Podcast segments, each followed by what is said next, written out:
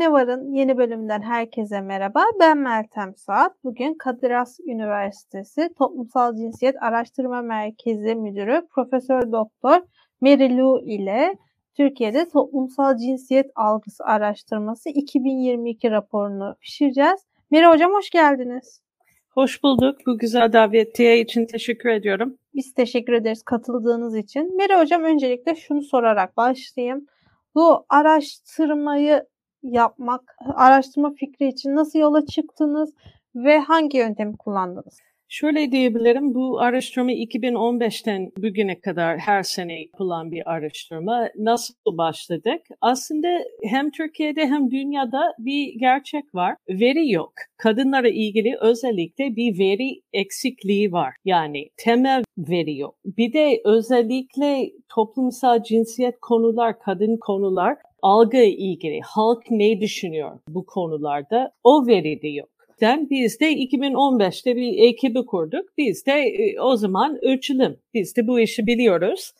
O zaman bir ankete hazırladık. Belli sorular, belli e, uzmanlardan aldık sorular. Bizim aramızda katılan hocalardan. Ondan sonra şey sağ veriyoruz. Aslında bir araştırma şirketle çalışıyoruz. Frekans araştırma. Onlar her sene yapıyorlar sağ çalışması yüz yüze yapılan bir anket. Genelde 1200 kişiyle yapılıyor. Yarısı erkek, yarısı kadın. Türkiye temsil edilen bir örneklem oluşturuyoruz. O çok önemli bizim için. Çünkü şey Türkiye hakkında konuşmak istiyoruz. O yüzden 23 ilden bu veri toplanıyor ve yani bu sene 8. kere e, yaptık.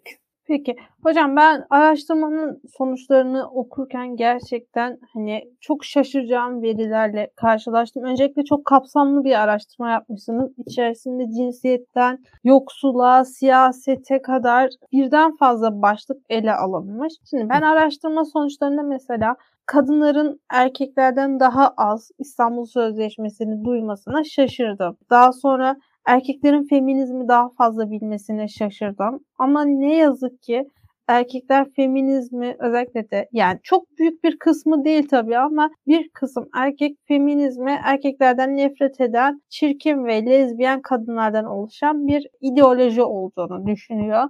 Yani buradan o erkeklere de teessüflerimi iletiyorum. Tabii ki her kadın ya da her erkek aynı düşünceye sahip olmak zorunda değil ama yani bu algıyı artık 2022 yılında kırmak ve neye karşı çıkıyorsak, neyi bilmiyorsak o konuya birazcık da olsa göz atmak çok iyi olur. Hani bu düşünceye sahip olanlar için söylüyorum. Sizin acaba araştırma yaptıktan sonra sonuçları incelemeye başladıktan sonra şaşırdığınız veriler oldu mu? Özellikle de önceki yıllarla karşılaştığınızda. Ha, çok iyi bir soru. O feminizme ilgili bir yorum yapayım önce. Aslında ilginç olan biraz aslında doğru tanımı ortaya çıkmaya başladı. Ama evet haklısınız. Gerçekten bir sürü kişi hiç duymadı ya da tam tanımı ne olduğunu bilmiyorlar. Ama yani sonuçta basında çok yerde almıyor. Ve feminizm bahsinde yer olunca yani bir yer aldığın zaman da zaten genelde kötü anlamda geliyor. Yani protesto olur, bir şey oldu, ters bir şey oldu. Bu biraz medya malzeme oluyor. O yüzden o kötü tanımlar hala yaygın oluyor. Şaşkın ya şaşırtıcı olan sonuçlar. İstanbul Sözleşme ilgili hatta şey biz son iki senedir soruyorduk İstanbul Sözleşme sorular ama o orada bir takılıp kaldım gerçekten sonuçlar çıkınca.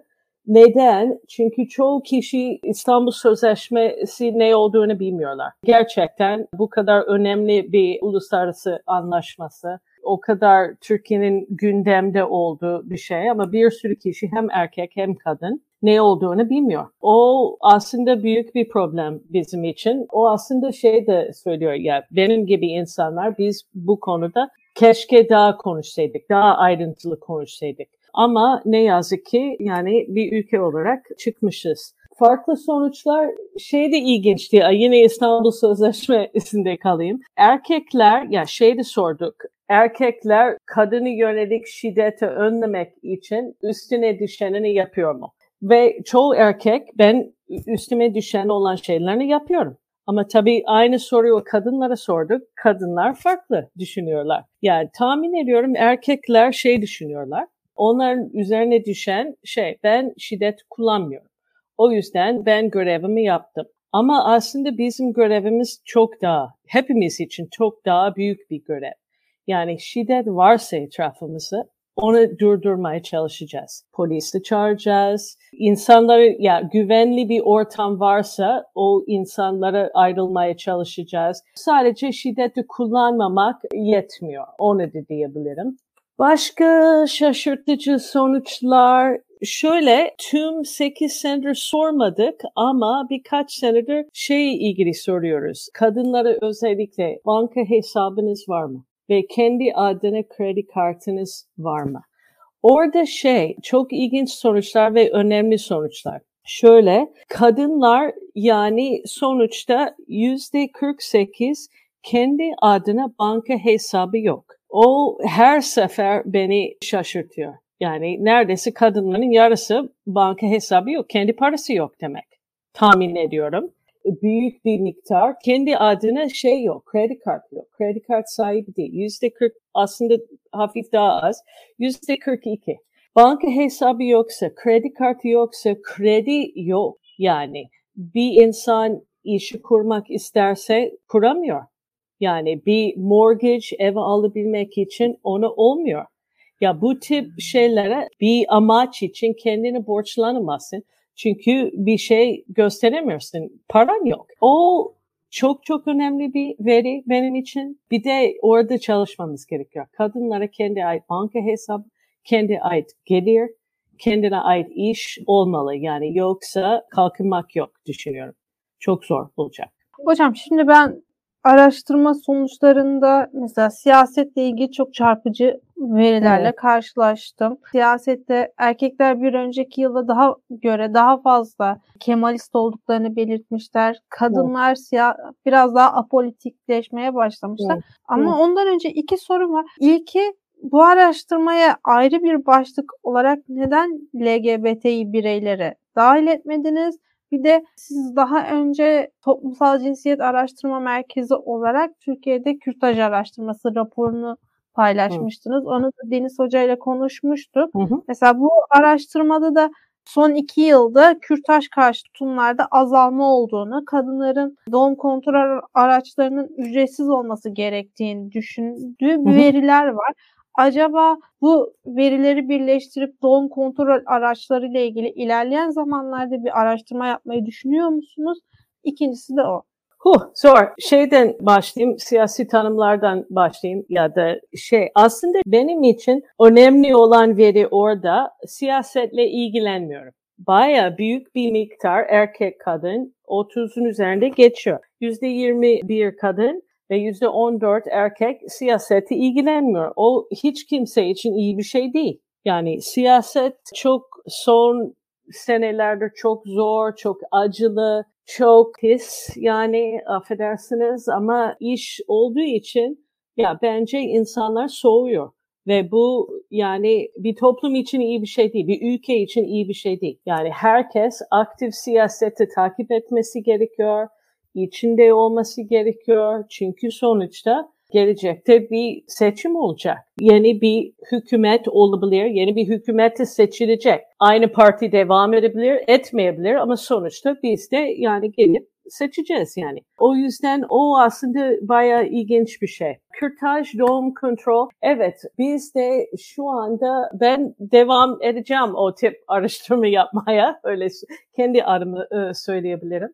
Bu senede ertesi gün HAP'e ilgili bir yayını çıkardık. O da akademik bir yayını. Ama orada da bir de yeni bir tane yolda o, o da çıkacak. O yayınlar çıktıktan sonra rapor da çıkacak bizden ama biraz öncelikli vereyim burada yayını araştırma merkezinin internet sitesinde mi yayınladınız yoksa yok, başka bir? Yok yok başka bir şey akademik dergide ama o şey Doğu Akdeniz Üniversitesi'nden çıkan bir dergi. Kadın slash woman 2000 o kadın derginin adı. O makalede, o araştırmada iki tane şeye baktık ertesi gün hapı ilgili. Bir tanesi eczanelerden alınıyor mu ve ne kadar maliyet? O bir taraf. Ertesi gün hap kolay kolay, ya İstanbul'da en azından kolay kolay alınıyor eczanelerden ama çok çok pahalı oldu. Biz iki sene önce o saha çalışmasını yaptık ve en pahalı olan ertesi gün hapı şeydi 84 lira oluyordu. Şimdi 135 geçen ay ona şey teyit aldık ama o büyük bir fark yani büyük bir fiyat artış. O araştırmanın öbür tarafı şeye baktık aile sağlığı merkezlerinden ertesi gün hap alınıyor mu bedava devlet bir kaynaktan. Kısaca hayır.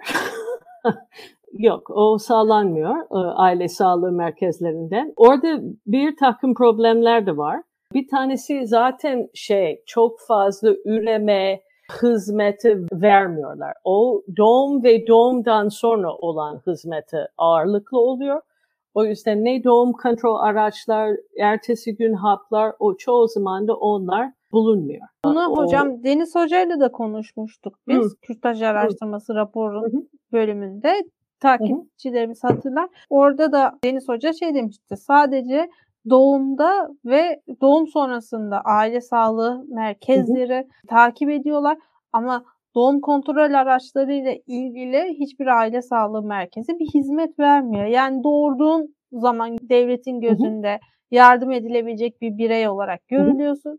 Ama eğer ben üremek istemiyorum dersen devlet sana yardım etmiyor. Öyle gözüküyor şu anda. Yani o belki yüzde yüz yani her aile sağlığı merkez aynı politikada yani belki takip etmiyor ama baya çoğunlukla öyle gözüküyor.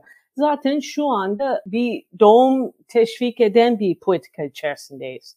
Yani her taraf ya mantıklı demeyeyim ama en azından orada bir tutarsızlık yok. Yani tabii doğru anlamı gelmiyor ama ne yazık ki öyle şu anda. Sizin söylediğiniz doğru. Doğum ve doğumdan sonra orada bir insan olarak kadınları kabul ediyorlar. Üreme istemiyorsan o biraz zor. Tabii o şey tabii özel sektöre. Yani özel sektörden hizmet alabilirsin. Ama özel sektör pahalı. Yani ertesi gün hap 135 lira oldu. Belki daha pahalı bu, bu ay. Her ay değişiyor. Doğum kontrol haplar o fiyat yükseliyor. Çünkü kontrol edilmiyor. Kontrolün altında değil. SGK kapsamında olmayınca devlet o fiyatlara şey yapmıyor. Yani karışmıyor. O yüzden her ay daha pahalı oluyor. Tabii kürtaj da ne yazık ki o ayrı bir kötü hikaye. Devlet tarafından devlet hastanelerde çok çok zor bulunuyor. Özel tarafta, özel hastanelerde biraz daha fazla hizmet var ama yani paraya bağlı ne yazık ki. Ki hocam ben şunu da sormak istiyorum. Mesela raporda dedim ya İstanbul Sözleşmesi, feminizm gibi konular hep erkekler tarafından daha fazla biliniyor olarak çıkmış. Neden bu tip kadınlarla ilgili problemler kadınlar arasında daha az bilinir bir konu olmuş? Ya orada şeydi yani biraz daha geniş bakmamız gerekiyor. Yani Türkiye tarihinde kadınlar şeyde eğitimsiz bırakıldı uzun zamandır. Bir de o eğitimsizlik kolay kolay şey geçmeyecek. Biz yeni yeni 12 senelik eğitim sistemi geçtik. O yüzden orada da bir parça var. Bir de bu şeye bağlı. Haberi takip ediyor kim yani siyasi gündemi takip ettiğine bağlı. Ve eğitimin yoksa ya da zar zor okuma yazma varsa nasıl gündemi takip edeceksiniz? O kadar kolay değil. Bir de tabii şey bunlar şey bağlı. İnsanın hayatına bağlı olan şeylere takip ediyoruz. Tabii kesinlikle İstanbul Sözleşme tüm kadınlara önemli olan anlaşma oluyor ama belki öyle bir algı yok. O yüzden insanlar anlamıyorlar. Bu anlaşma gerçekten hepimizin çok çok önemli. Ama klasik bir şey ben şiddeti görmüyorum. O yüzden o beni ilgilendirmiyor. Yani aslında hepimiz için ilgilendiren bir şey ama ne yazık ki çoğu zaman da insanlar öyle düşünüyorlar. O yüzden bence bir, kadınlar biraz daha az bilinirlik vardı bu konuda. En azından hocam bu İstanbul Sözleşmesi'nden çıkış kararının her iki cinsiyette geleceği kötü etkileyeceğini düşünüyor. O Hı. olumlu bir sonuç olmuş. Şimdi Hı. mesela yoksulluk başlığında katılımcıların çoğu bir önceki yıla göre daha çok yoksullaştığını belirtiyor. Hı hı. Mesela bu yıl yoksullukta mesela kadınları etkileyen en büyük problem regl yoksulluğu da oldu ki hı. hani bu konuyu da daha önce konuşmuştuk. Dinleyicilerimiz hı hı. o bölümü de dönüp dinleyebilir. Katılımcılara regl yoksulluğunu ayrı bir başlık olarak sordunuz mu? Yok biz sormadık hatta hiçbir zaman sormadık ama gerçekten o konuda şey yani çok önemli bir araştırma konusu olabilir. Yeni kurulan bir dernek var We Need to Talk İngilizce olarak konuşmamız gerek. Onlar bu konunun üzerinde çalışıyorlar evet. ve benim İlayda Buyurun. Hanım o derneğin kurucusu. Evet. Onunla Tabii. bölüm yapmıştık. Dinlemek isteyen Aa, dinleyicilerimiz o bölümü dinleyebilir. Harika. Evet, o, o, benim bildiğim onlar bir harita çıkarmaya çalışıyorlar. İnsanlar nerede bu hijyenik ürünlere ulaşabilirler, ulaşamıyorlar. O biz de heyecanla bekliyoruz o araştırma sonuçlar, o harita sonuçlar. Biz sormadık ama onlar o konu üzerinde çalışıyorlar ve biz zaten onlar yakın tanıyoruz onlar. Biz de destek veriyoruz. Peki hocam şimdi boşanma konusunda mesela evet. orada da ilginç veriler var. Ben sizin araştırmanızı okuduktan sonra Türkiye İstatistik Kurumu'nun da araştırmasını takip ettim. Orada mesela diyor ki en önemli boşanma sebebi artık ilgisiz bırakılma, hı hı. ilişkiye gereken çabayı göstermeme ve hani boşandıktan sonra aynı sizin dediğiniz sonuçlar gibi eski eşinin namusu eski beni ilgilendir. Hani benim namusum kimseyi ilgilendirmez diye düşünüyor kadınlar. Boşanma konusunda nafaka konusuna değindiniz mi? Çünkü biliyorsunuz şu an nafaka Hı-hı. tartışması var gündemde. Hı-hı. Nafakalar Hı-hı. hani belli bir süreye mi getirilecek yoksa Hı-hı. şimdiki düzen mi devam edecek diye. Ona bir başlık açtınız mı? Biz açmadık ama kesinlikle o boşanma ve şiddet konusunda bir hem fikri var. Yani boş şiddet yeterli bir sebebi yani işte boşanma için yeterli bir sebep. O da uzun zamandır görüyoruz. Yani öyle bir eskisi gibi gözden geçirme öyle gibi bir şey yok artık. Yani hem erkekler hem kadınlar yani aşağı yukarı yani hem fikirler şiddetin bir şey yeri yok aile içerisinde. Peki, şimdi dediğim gibi ben hem sizin raporunuzu okudum hem hı hı. TÜİK raporunu okudum ve sizden sonra da yakın zamanda Henrik Böll Derneği bir hı. araştırma yapmış. Pandemi döneminde hı hı. ev içi yaşantısıyla ilgili. Mesela sizin araştırmanızda erkekler ev içi sorumluluk olarak sadece tamirat ve market işlerini yapıyor, gözüküyor. Hı hı. Eğitim hı hı. düzeyi arttıkça nispeten ev işlerine olan katkısı da artıyor ama hala dediğim işleri Hı. yapıyorlar. Hı hı. Mesela Henrik Böll verilerinde de TÜİK raporunda da erkekler ev işi olarak sadece markete gitmeyi, evde bozulan eşyaları onarmayı görüyor. Yani bu erkekler neden ev içi sorumluluk almaktan kaçıyor? Bunu hala kadın işi olarak mı görüyorlar? O ataerkil algıyı kıramadıkları için mi? Yok e, kıramıyoruz. Çok zor kıracağız zaten. Ya bir sürü neden var. Ya bir tanesi o erkekler öyle, öyle büyüdüler. Biz öyle büyüttük. Yani ben kadınlara, annelere e, suçlamak istemiyorum ama orada önemli bir rolü var. Yani biz erken yaşta oğlanlara, kızlara aynı işi vermemiz gerekiyor. Yani aynı iş verilmesi gerekiyor. Yani sofra toplamak, kendi eşyaları toplamak, biraz hafif temizlik, o işi. Yani genelde erkekler şey bahane olarak kullanıyorlar. Ben bilmiyorum. Ya bu bu iş genlerden gelmiyor. Öğrenilir. Ama bilmemek ayıp değil, öğrenmemek ayıptır. Bunu hiçbir Tam, zaman unutmasınlar. A, a, aynen, aynen öyle. Öğrensinler. Ama tabii şey küçük yaşta öğretilim. O da da var. Yani bu iki iki tarafta o, o da da var. Ya ben şöyle düşünüyorum. Bunlar temel hayat dersler gibi bir şey. Temel hayat sorumluluk. Yani herkes bilmesi gerekiyor. Burada toplumsal cinsiyetin önemli değil. Herkes yemek yapmaya, çamaşır yıkamaya, temizlik yapmaya bilmesi gerekiyor.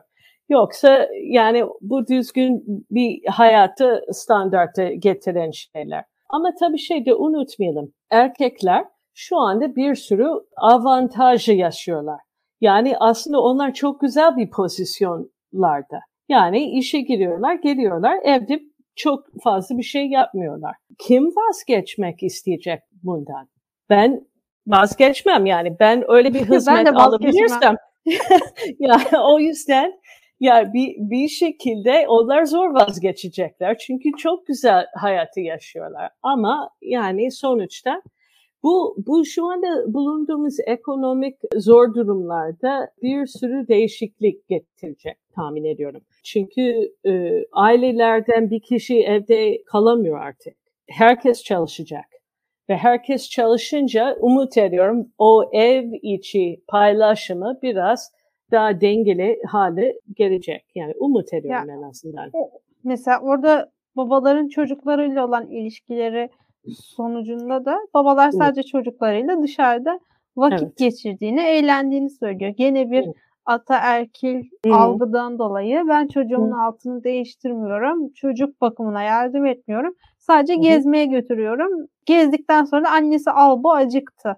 Yani sanki annesi bu çocuğu tek başına yapmış gibi. Babası yokmuş evet, gibi. Ne yazık ki. Evet. Bir de tabii şey o o durum herkes için kötü. Babalar için kötü, çocuklar için kötü, anneler için kötü. Yani herkes için kötü bir durum. Babalar o kadar önemli anları kaçırıyorlar ki çünkü yani yapmıyorlar. O her anda bir fırsat yani. O çocukla e, şey bağ kuracaksın. Yani o, o yüzden onlara şey kaçırıyorlar. Yazık yani. Bir de tabii anneler çok zor durumda kalıyorlar. Çünkü her şey yapıyorlar gerçekten. Bir de tabii şey burada ev işlere ve çocuk bakımı ikisi de bir gösterelim erkeklere. Yani güzel rol şey modellere gösterelim. O, onlar da yok. Doğru düzgün babalık yapan babalar. Doğru düzgün ev işi yapan erkekler. Yani aile üye olmak bu demek. Yani bir erkek olarak. Yani burada bence şey fazla yeterli fazla konuşmuyoruz erkekliği hakkında. Ve burada bir fırsat var. Yani onu da daha fazla konuşmamız gerekiyor. Türkiye'de erkek olmak ne demek? Çünkü şu anda ne demek? İşe git gel, para getir, başka hiçbir şey yapma. Yani yazık. Ne doğru düzgün babalık. Bir dipnot. Her erkek öyle değil. Her baba da tabii öyle ki. değil tabii ki. Ama sadece böyle sürü, olan babalara söylüyoruz. Tabii tabii aynen öyle. Yani onu konuşmamız gerekiyor. Yani yeni bir erkek modeli üretmemiz gerekiyor artık. Sürekli kadın, kadın, kadın konuşuyoruz. Tabii o da önemli. Ama bir takım problemler erkeklerden kaynaklanan bir şey. O yüzden erkekler hakkında evet. konuşulur. Türkiye'de erkek olmakla ilgili bir araştırma da yapılabilir. Neden yapılmasın hmm. ki? Dediğiniz doğru. Mesela hmm. geçtiğimiz bölümlerde biz İlkan Dalkıç ve Tarık Beyhan'la erkekler giremez bölümü yaptığımızda erkeklik algısının ne demek olduğunu çok az irdelemiştik. Ama Türkiye'de gerçekten erkeklik alanında bir çalışma yapılması ve hmm. erkek olmanın nasıl bir şey olduğunu, erkek rolünün üstüne nasıl oturduğunu birazcık irdelemek gerekiyor. Buradan tüm toplumsal cinsiyet çalışan hocalarımıza söylemiş olalım. Peki hocam ilerleyen dönemlerde Türkiye'de feminizm algısı araştırması yapmayı düşünüyor musunuz?